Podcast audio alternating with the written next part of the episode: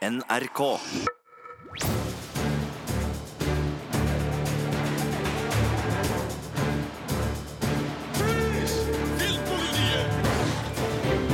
P3. Velkommen til Filmpolitiets podkast ved Sigurd Vik og meg sjæl, Marte Hedenstad.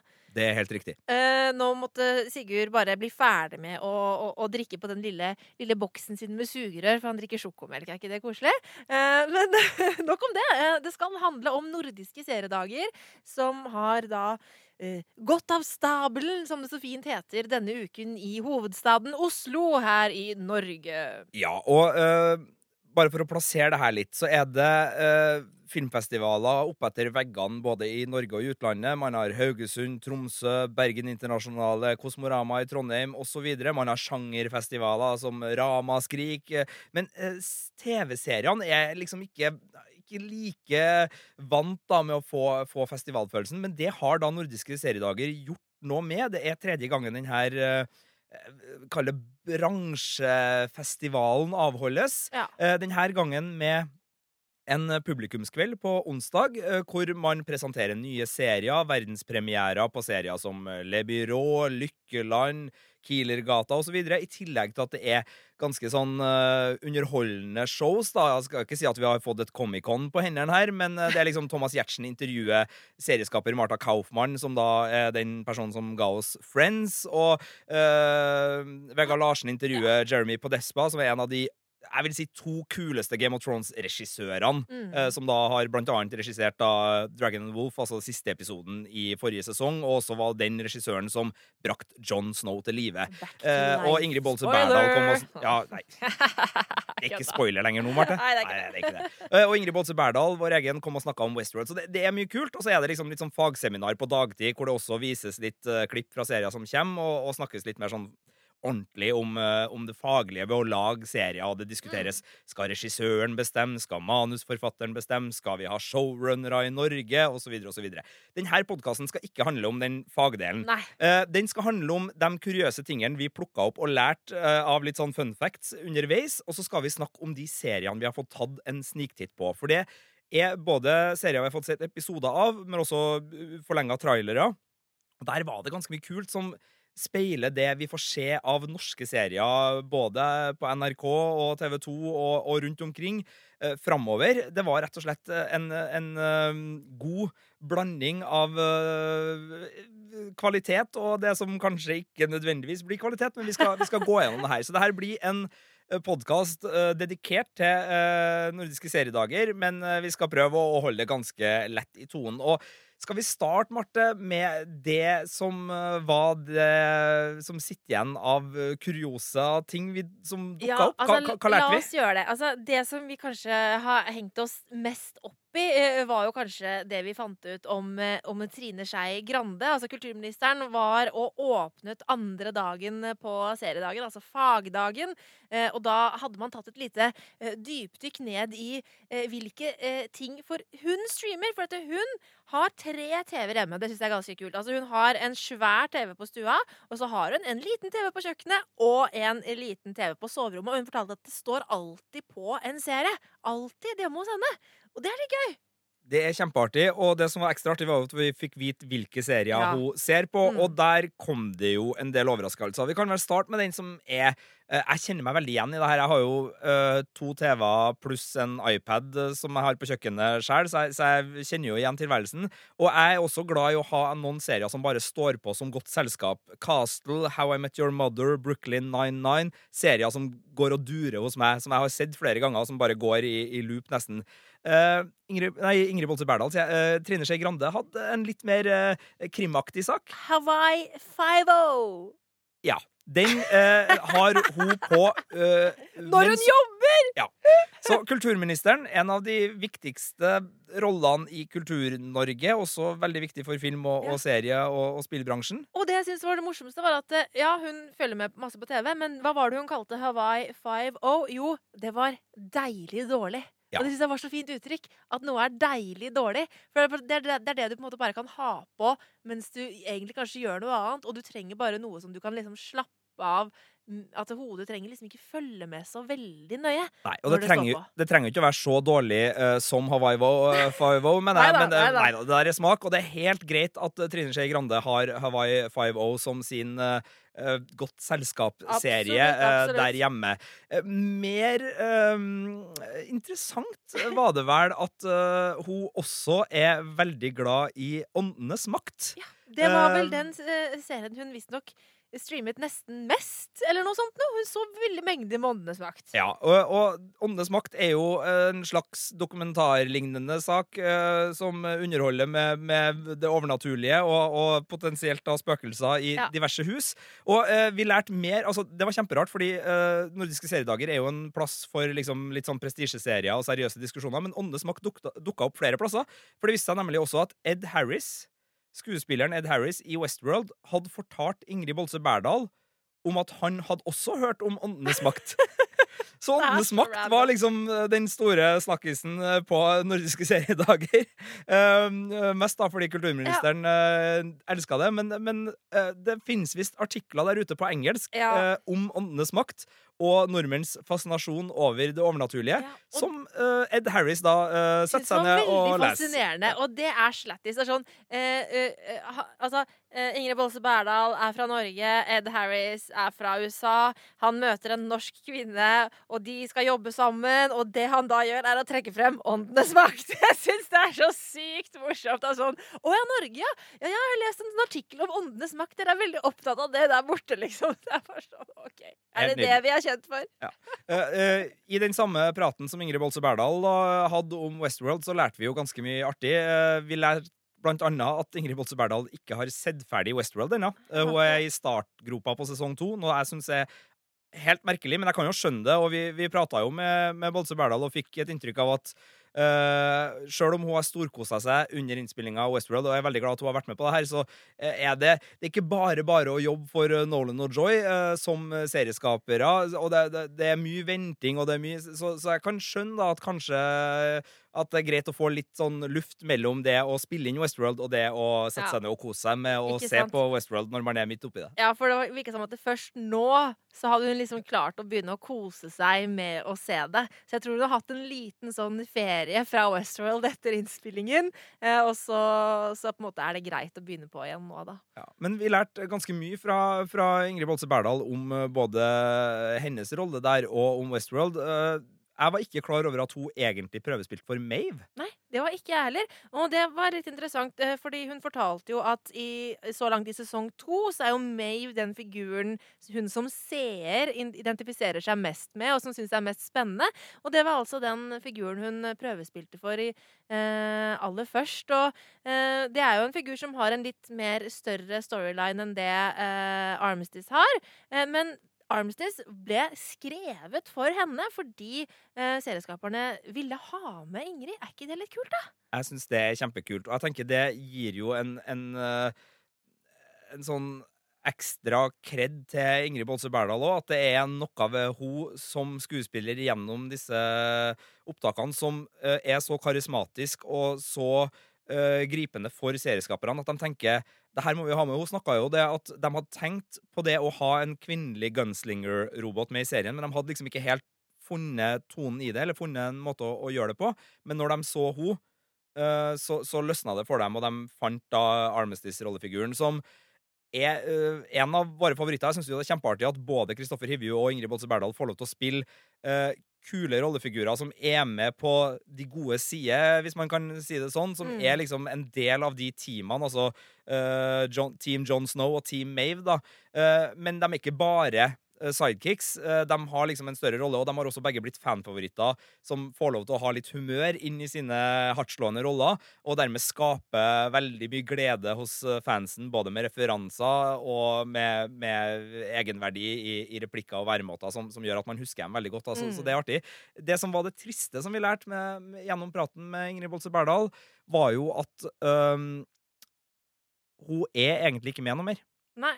Uh, til dem som eh, eh, ikke har kommet til, til slutten av sesong to i Westworld, og som ikke vil få spoila noe, så skal vi egentlig ikke spoile så mye. Men hun sa ikke at uh, hun aldri kom til å dukke opp nødvendigvis, men det var per nå ikke noe for hun i sesong tre. Eh, så det var litt overraskende, kanskje. Samtidig som det, det, det, det ikke, var ikke sånn uh, Wow! Nei. Hvordan skjer det?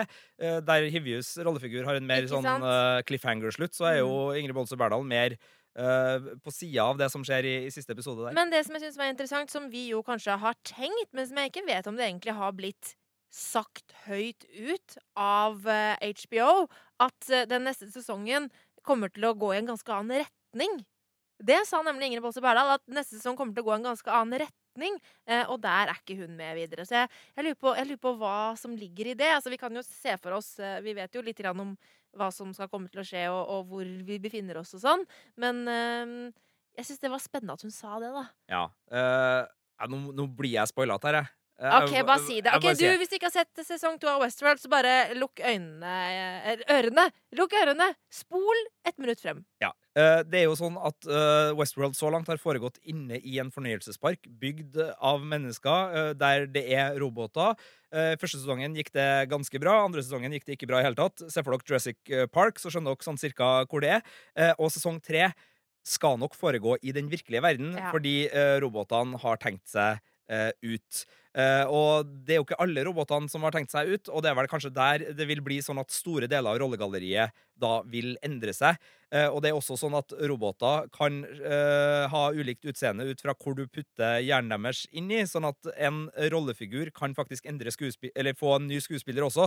eh, uten at Det var jo ikke noe Ingrid Bolse Berdal fortalte oss, men Ja, det hadde hun ikke tenkt på. hun hadde ikke tenkt på det engang, men, men, men det er jo ting som skjer, for det har allerede skjedd i serien. Så, så det er jo ting der. Så vi fikk vel egentlig litt sånn fangjengen, Westworld-fangjengen i oss fikk vel litt bekrefta Altså, noen mistanker der. Jeg fikk jo bare, Da vi satt og snakket med Ingrid Bolse så fikk jeg lyst til å bare OK, jeg skal se alt på nytt. Å, herregud, vi må lage en ny Westworld-podkast snart. Og jeg ble veldig gira på å snakke og teorisere og diskutere. Åh, det er så artig! Ja, og da er jo gleden at det kommer flere Westworld-podkaster, blant annet med hele praten vår med Ingrid Bolse Berdal. Så når det nærmer seg litt ø, Westworld-tid, så, så kommer det så, så den kommer på podkastplassen her Ja. i, i Filmpolitiet. Men um, det som var veldig spennende uh, fra uh, seriedager, var jo også at vi fikk uh, en skikkelig god prat med Jeremy Podesva, som Mm. er da en av hovedregissørene i Game of Thrones-verdenen. Han Yes. har eh, blant annet, da, som vi nevnte, brakt John Jon Snow tilbake til live. Det var han som hadde jeg tror de to første episodene. Hadde ikke han regi på begge dem i, forrige, i starten av sesong seks? Eller var det bare Eh, episode to? jeg, Jo, jo, jo, han hadde sesong For han hadde eh, sesongpremieren og sesongfinalen. Eh, så i forrige sesong. Ja, nå var jeg enda en sesong tilbake i tid ja, ja, på også, Jon ja. Snow. eh, Ja, Ja. Og da husker jeg ikke hva det var det. Nei, men, eh, han hadde, men han hadde da også finalen nå sist, altså siste Mm. episode, som både hadde da veggen rast ned, Mm. Og uh, da alle møttes uh, i denne scenen i The Dragon Pit, hvor da Lannister-søsknene i sentrum, uh, brødrene Clegane var der, man fikk uh, John Snow og Daenerys eh, og Cersei og fikk hele den pakka der. Eh, og det var jo kjempeartig å høre uh, Podesva snakke om hvordan han skapte det her, for det er jo eh, den største scenen i Game of Thrones-universet, Mm. med tanke både på eh, viktighet, eh, fordi det er første gangen mange av de her møtes, men også i, i størrelse, for det er, det er som et kammerspill. Altså, det er så mange aktører. Uh, og det var artig å høre alt fra liksom hvordan uh, blir størrelsene eller avstandene i en sånn scene. Altså, man må liksom passe på at de ikke sitter for nært, for da er det litt sånn der, hvordan skal man filme det hvis de blir sittende liksom inni hverandre? Men samtidig, hvis det er 20 meter mellom mennesker som skal prate Mm. sammen, vil de høre hverandre? Du må finne den perfekte måten å bruke det rommet på, og det uh, var visst veldig utfordrende. Og så, eh, og så- sånn som han snakket om at eh, det her er et ensemble med skuespillere som alle er der, selv om det bare er kanskje noen få som til enhver tid under innspillingen er i fokus. da. Eh, og det synes jeg var så fint hvordan han liksom forklarte at ja, men her er alle et ensemble. Alle støtter hverandre. Det er ingen som bryr seg om at de ikke får skjermtid akkurat da. Liksom sånn, det var som en sånn derre han, han omtalte det som en sånn fin sånn vennegjeng, liksom. Og det syns jeg var så hyggelig å høre. Ja, og han er jo på mange måter sjefen også når han er regissør på de her episodene. Skuespillergjengen går jo fra episode til episode med ulike regissører. Så vi var jo litt spent på, for vi har jo hørt Kristoffer Hivju snakke at det er det er litt sånn god stemning på kvelden. Det er kassegitarspilling. Han som spiller The Hound, er jo eh, blant annet filma litt på, på Instagram-kontoer til diverse skuespillere med kassegitaren i, i hendene, og det, det er mye god stemning. Så vi lurte liksom på får Jeremy var liksom være med på det her.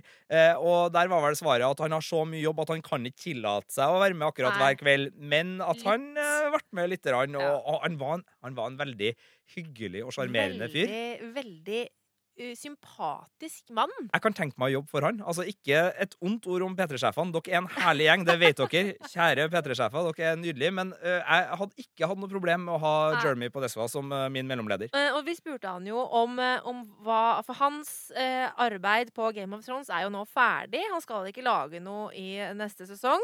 Og, og så spurte vi han om Ja, men hva med spin-off-seriene som er på vei? Kunne du tenke deg å, å jobbe der? Og da ble du litt sånn trist, Sigurd. Jeg ble det.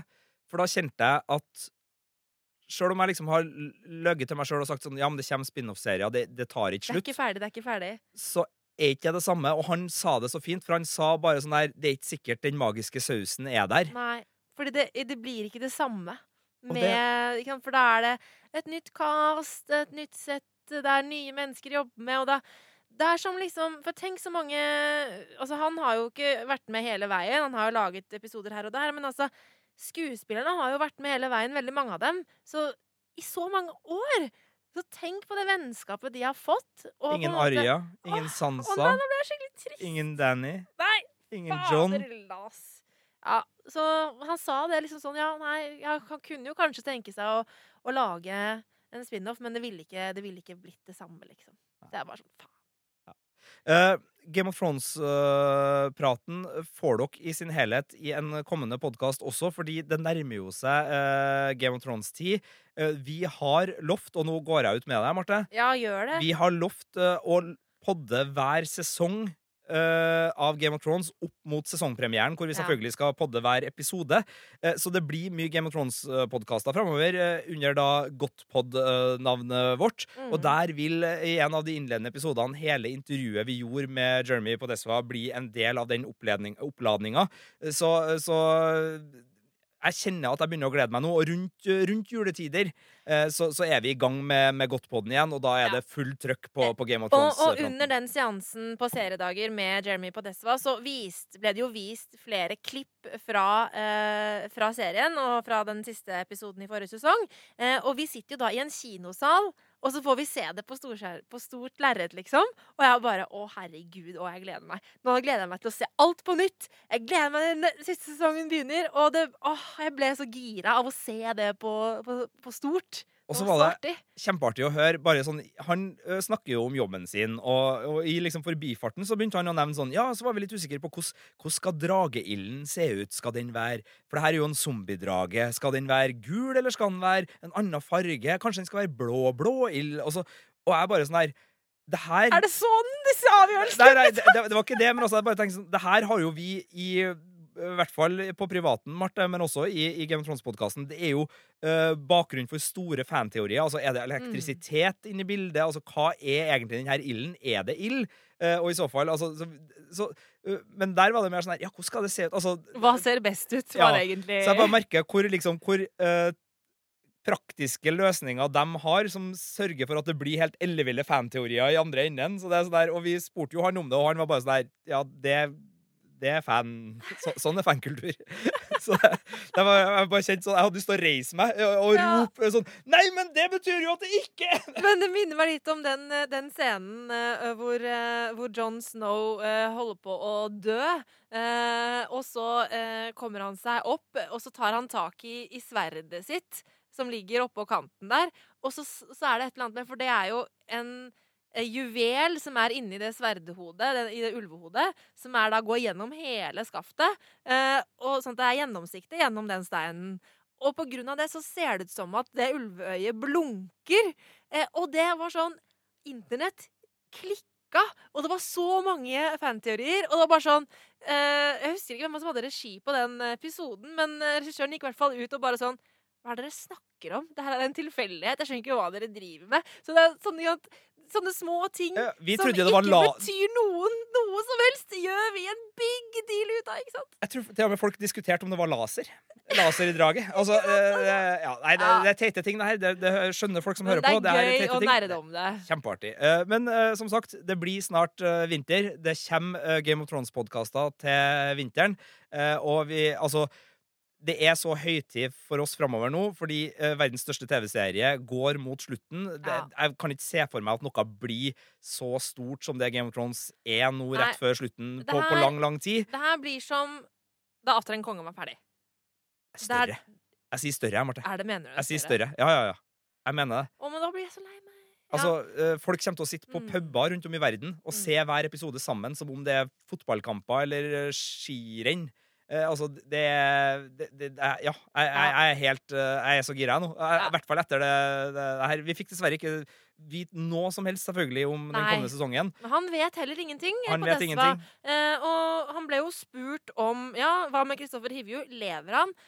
Og han vet ikke. Og han, og han fortalte at da de eh, lagde den siste episoden, så, så ble det gjort med vilje at utfallet kunne vært det ene eller det andre, fordi de ikke visste hvordan eh, fortsettelsen skulle bli. Sånn at eh, derfor er den slutten så åpen som, som den ser ut som. Så who knows? Eh, I første episode så så kanskje ligger Kristoffer Hivje og trekker sitt, eh, sitt siste pust som Thormund Giantsbane. Eller så kanskje vi får se at han graver seg ut av noe snø og is. Jeg håper på sistnevnte. Ser for meg sånn her, du vet, Når folk har blitt levende begravd, eh, og så, eller, eh, og så på slutten så bare kommer ha- handa opp av jorda. Altså, Mulan! Har dere sett Mulan? Nå, så når de, de utløser et, eh, et skred over eh, hunerne, eh, og så liksom blir alt helt stille, og så til slutt så bare boom, så kommer det en hånd opp, og så er det han onde fyren som eh, kravler seg ut. Bare at Kristoffer Hivi er jo ikke ond, da. Nei. I, ja. Det er bra vi ikke liker harry ting, Marte. Nei, nei, Og altså, ikke er begeistra for uh, litt sånn der uh, over the top, pompøse actionsekvenser eller uh, litt sånn Ja. Vi skal runde av denne biten om ting vi, vi lærte fra seriedager, med et par kjappe fun facts fra Friends-universet. Fordi Ja. Martha Kaufmann, Friends-skaperen, var jo der. Det mest interessante, syns jeg, var at hun var veldig åpen på at det her var en serie som eh, ble eh, skapt på, på midten av 90-tallet. eh, og eh, det kom noen spørsmål sånn Ville den ha sett annerledes ut hvis den eh, var laga i dag? Og da var først litt sånn nei, vi passa på at den ikke hadde noen referanser. Så, det, så den er liksom Den er ikke datert, og det er vel grunnen til at den er så Mm. populær fremdeles. Men det var eh, noen ting som, som ikke funka så bra, og spesielt da eh, faren til Chandler Ja, er er, jo- homofil og transperson eh, på en måte i serien. Altså han eh, Han spilles ut som en mann som liker å kle seg i dameklær. Ja, han, han, bli, han blir som ansett som en dragfyr som blir latterliggjort, egentlig. Og som Chandler er flau over.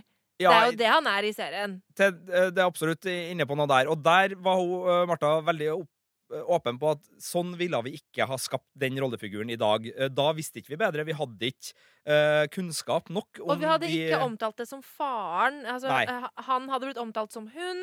Uh, og de hadde vært mer uh, nyanserte i hvordan den rollefiguren ble fremstilt. De hadde vært mye mer nyansert Ja. i både måten rollefiguren blir omtalt og, og framstilt. Så det, det er jo interessant å høre Mm. hvordan Tidene serier forandrer seg. ja, og, og hvordan serieskapere også ser sitt eget skaperverk uh, over tid. Og vi har jo vært inne på det på Sex and the City, som er en serie vi er glad i, men som du har skrevet artikler om, at øh, Ja. du ser hvor datert den er i holdninga Ja. på en del plasser.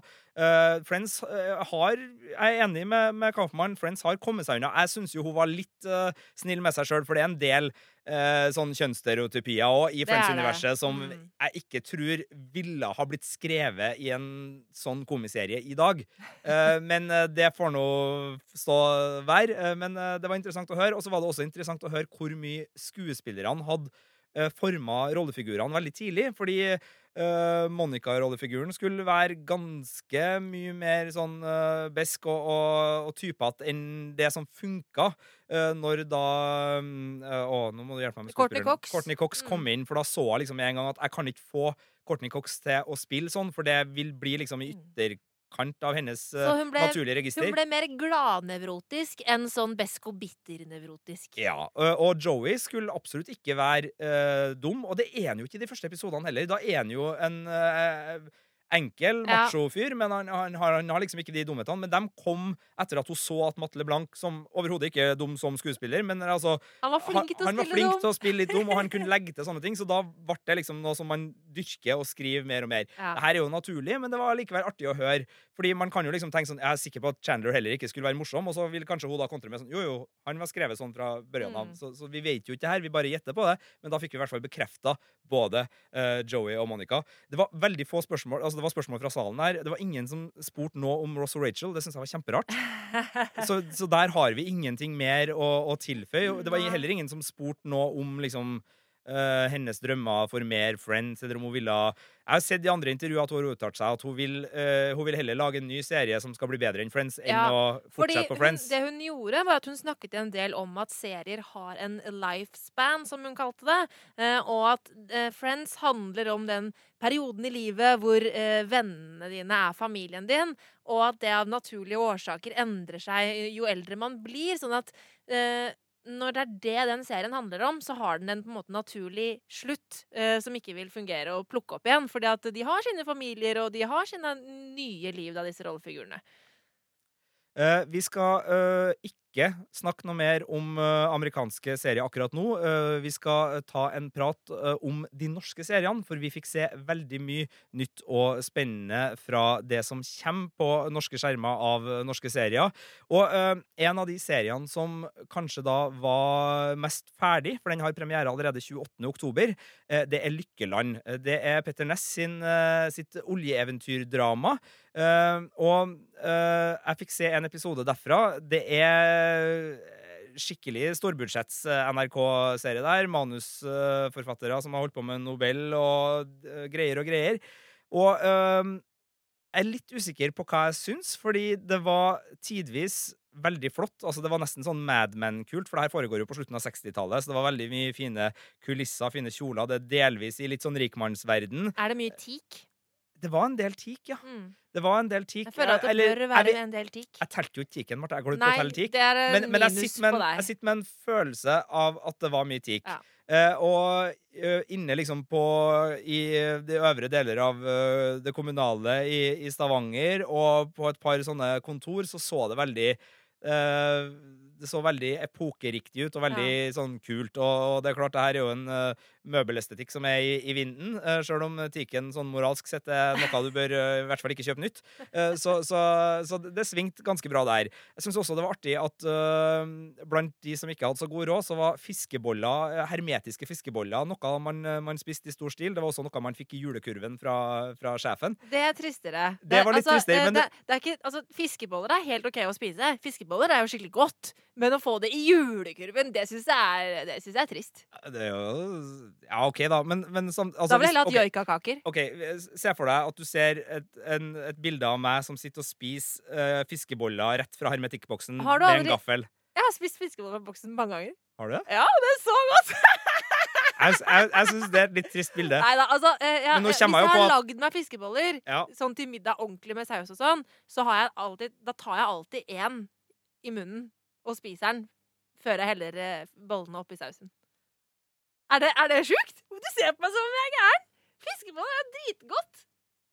Så det er en del fiskeboller i, i Lykkeland, og det er jo artig sånn uh, der Skam hadde fiskekaker. Uh, og det ble en greie, så, så jeg er spent da om fiskeboller blir den nye Jeg vet ikke om Lykkeland helt går for det samme uh, target-publikummet som, som Skam gjør. Og så var det mye sigging. Så, så fiskeboller og sigging var det masse av. Der er jeg litt spent, men altså, jeg skal absolutt ikke gi noe dom på Lykkeland ennå, for jeg har sett altfor lite. Men der jeg er litt spent, er Det var også en del sånn litt sånn tilskrudd dramatikk som eh, føltes litt gammeldags. Altså, det føltes som sånn var norsk drama for ti år siden. Men, men, men, men. Eh, der har jeg en liten innvending. For at eh, når du ser intervjuer og sånn med folk, altså med ekte mennesker i ekte situasjoner fra Du trenger ikke lenger tilbake enn altså faktisk tidlig 90-tall og 80-tall også, så snakker de jo helt weird. De snakker veldig tilgjort. Det høres ut som for oss. Fordi det var sånn de snakka på den tida. Så det er ikke det, da. Nei.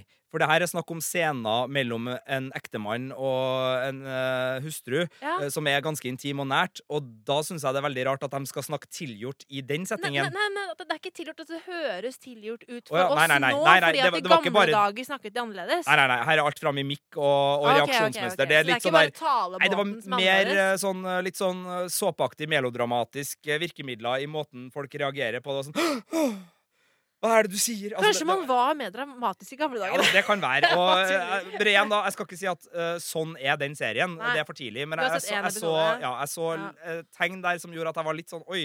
Uh, det der det, det føltes som skuespill. OK, jeg Eh, skjønner. veldig tydelig. Og det, det er ikke noe galt at ting skal føles som skuespill, men uh, det brøyt litt med tonen i serien øvrig, da. Ja. Og det var også noen amerikanske oljefolk der som er i Norge, for, og dem var veldig amerikanske. eh, Og det, det, men det opplevde de sikkert som på, på 60-tallet nå, nå ser jeg for meg, husker den eh, Jeg tror det er det brunostreklame fra, sånn, fra mange år siden. Hvor det er en, en nordmann som har bodd i USA, da.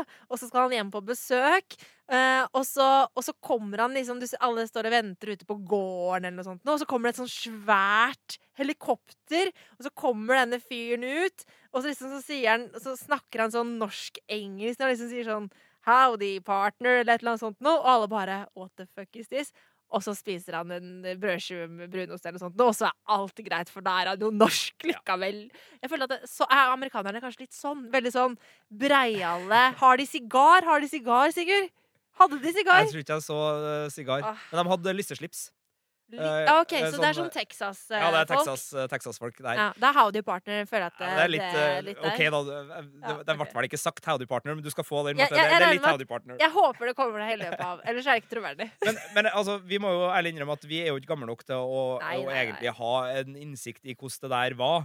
Det foregår på slutten av 60-tallet. 1969 er det vel, førjulstid, og det er snakk om da den første olja blir dratt opp av, eh, av havet i Norge, og det endrer jo Norge på, på alle vis. Vi er et u-land før det her skjer. Vi har trang økonomi, og det vises også i serien. Det er fattige eh, fabrikkeiere, og det er fabrikkeiere som er nødt til å både redusere eh, antall arbeidere, eventuelt få alle til å ta lave lønn. Det er masse problemer. Mm. Og det, den har den realismen, men den føles aldri trist, serien, selv om det er fiskebollespising fra hermetikkboksen og, og dårlig okay. økonomi. Den føles levende. Og selv om jeg eh, altså, ikke siterer meg på at det her er Norges Mad Men, men jeg fikk en Mad Men Altså, jeg fikk en følelse av Mad Men.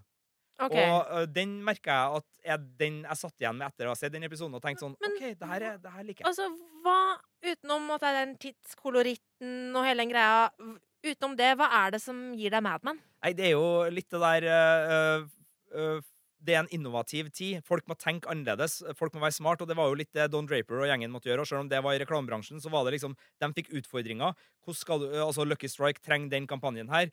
Og så kommer de på It's Toasted. Altså, Mm. det, det er liksom sånn der, Og her også er det liksom både i kommunen så tenkte de sånn Hvordan skal Norge klare Hvordan skal Stavanger få noe ut av det her? Så har du amerikanerne som tenker sånn Hvordan skal vi liksom ikke si fra hva vi egentlig har funnet, fordi da blir det masse krangel om hvem skal ha pengene. Så har du liksom gårdeierne som sitter sånn Hvordan skal vi klare oss å fabrikke Ja. Det, det er mange, og alle har liksom sånn uh, sine litt sånn utfordringer. Og der har Petter Næss uh, i hvert fall bygd opp i innledningsvis fint, for du føler at ting står på spill for alle. Uh, og det er en fin setting. Men det, Jeg men det at jeg er mest gleder meg til Lykkeland. Når er det det begynner? Eh, 28. oktober begynner Lykkeland på NRK. En cir cirka en måned til. Ja.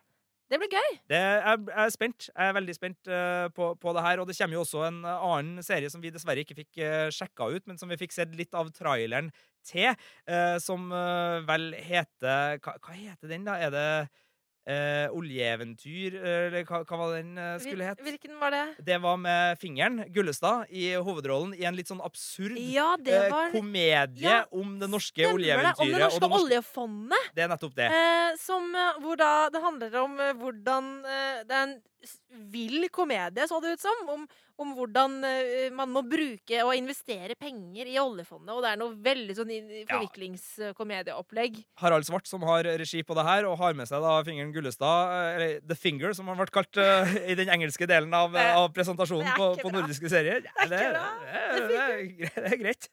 Men, uh, men den så herlig sprø ut. Men der fikk vi bare sett noen klipp. Så, så det ble vist en episode derfra men den krasja dessverre med, med noe annet vi var på, så vi fikk ikke med oss den. Men det er tydelig at den norske oljebølgen skal tas både i startfasen og i oljefondtida. Det var blant Mm. annet en Uh, humorvinkling på at vi er så etisk bevisst på hvordan oljefondet skal brukes, at uh, det skaper store komplikasjoner, for vi får ikke til å bruke pengene. Vi har liksom altfor mye penger, men vi får ikke til å bruke dem, for at vi må være etisk bevisst. Ja, veldig gøy. Eh, Men det som også så ut som en helt sånn type helsprø eh, komedie, eh, det var eh, Exit. Eh, som er en slags finansdramakomedie med rot i virkelige hendelser, eller? Var, eh, kanskje ikke kom er komedie feil å si? Det var mørke greier. Det var mørke greier. Og det her kommer fra uh, skaperne av Dag og En natt, som da er to serier jeg har kosa meg veldig mye med.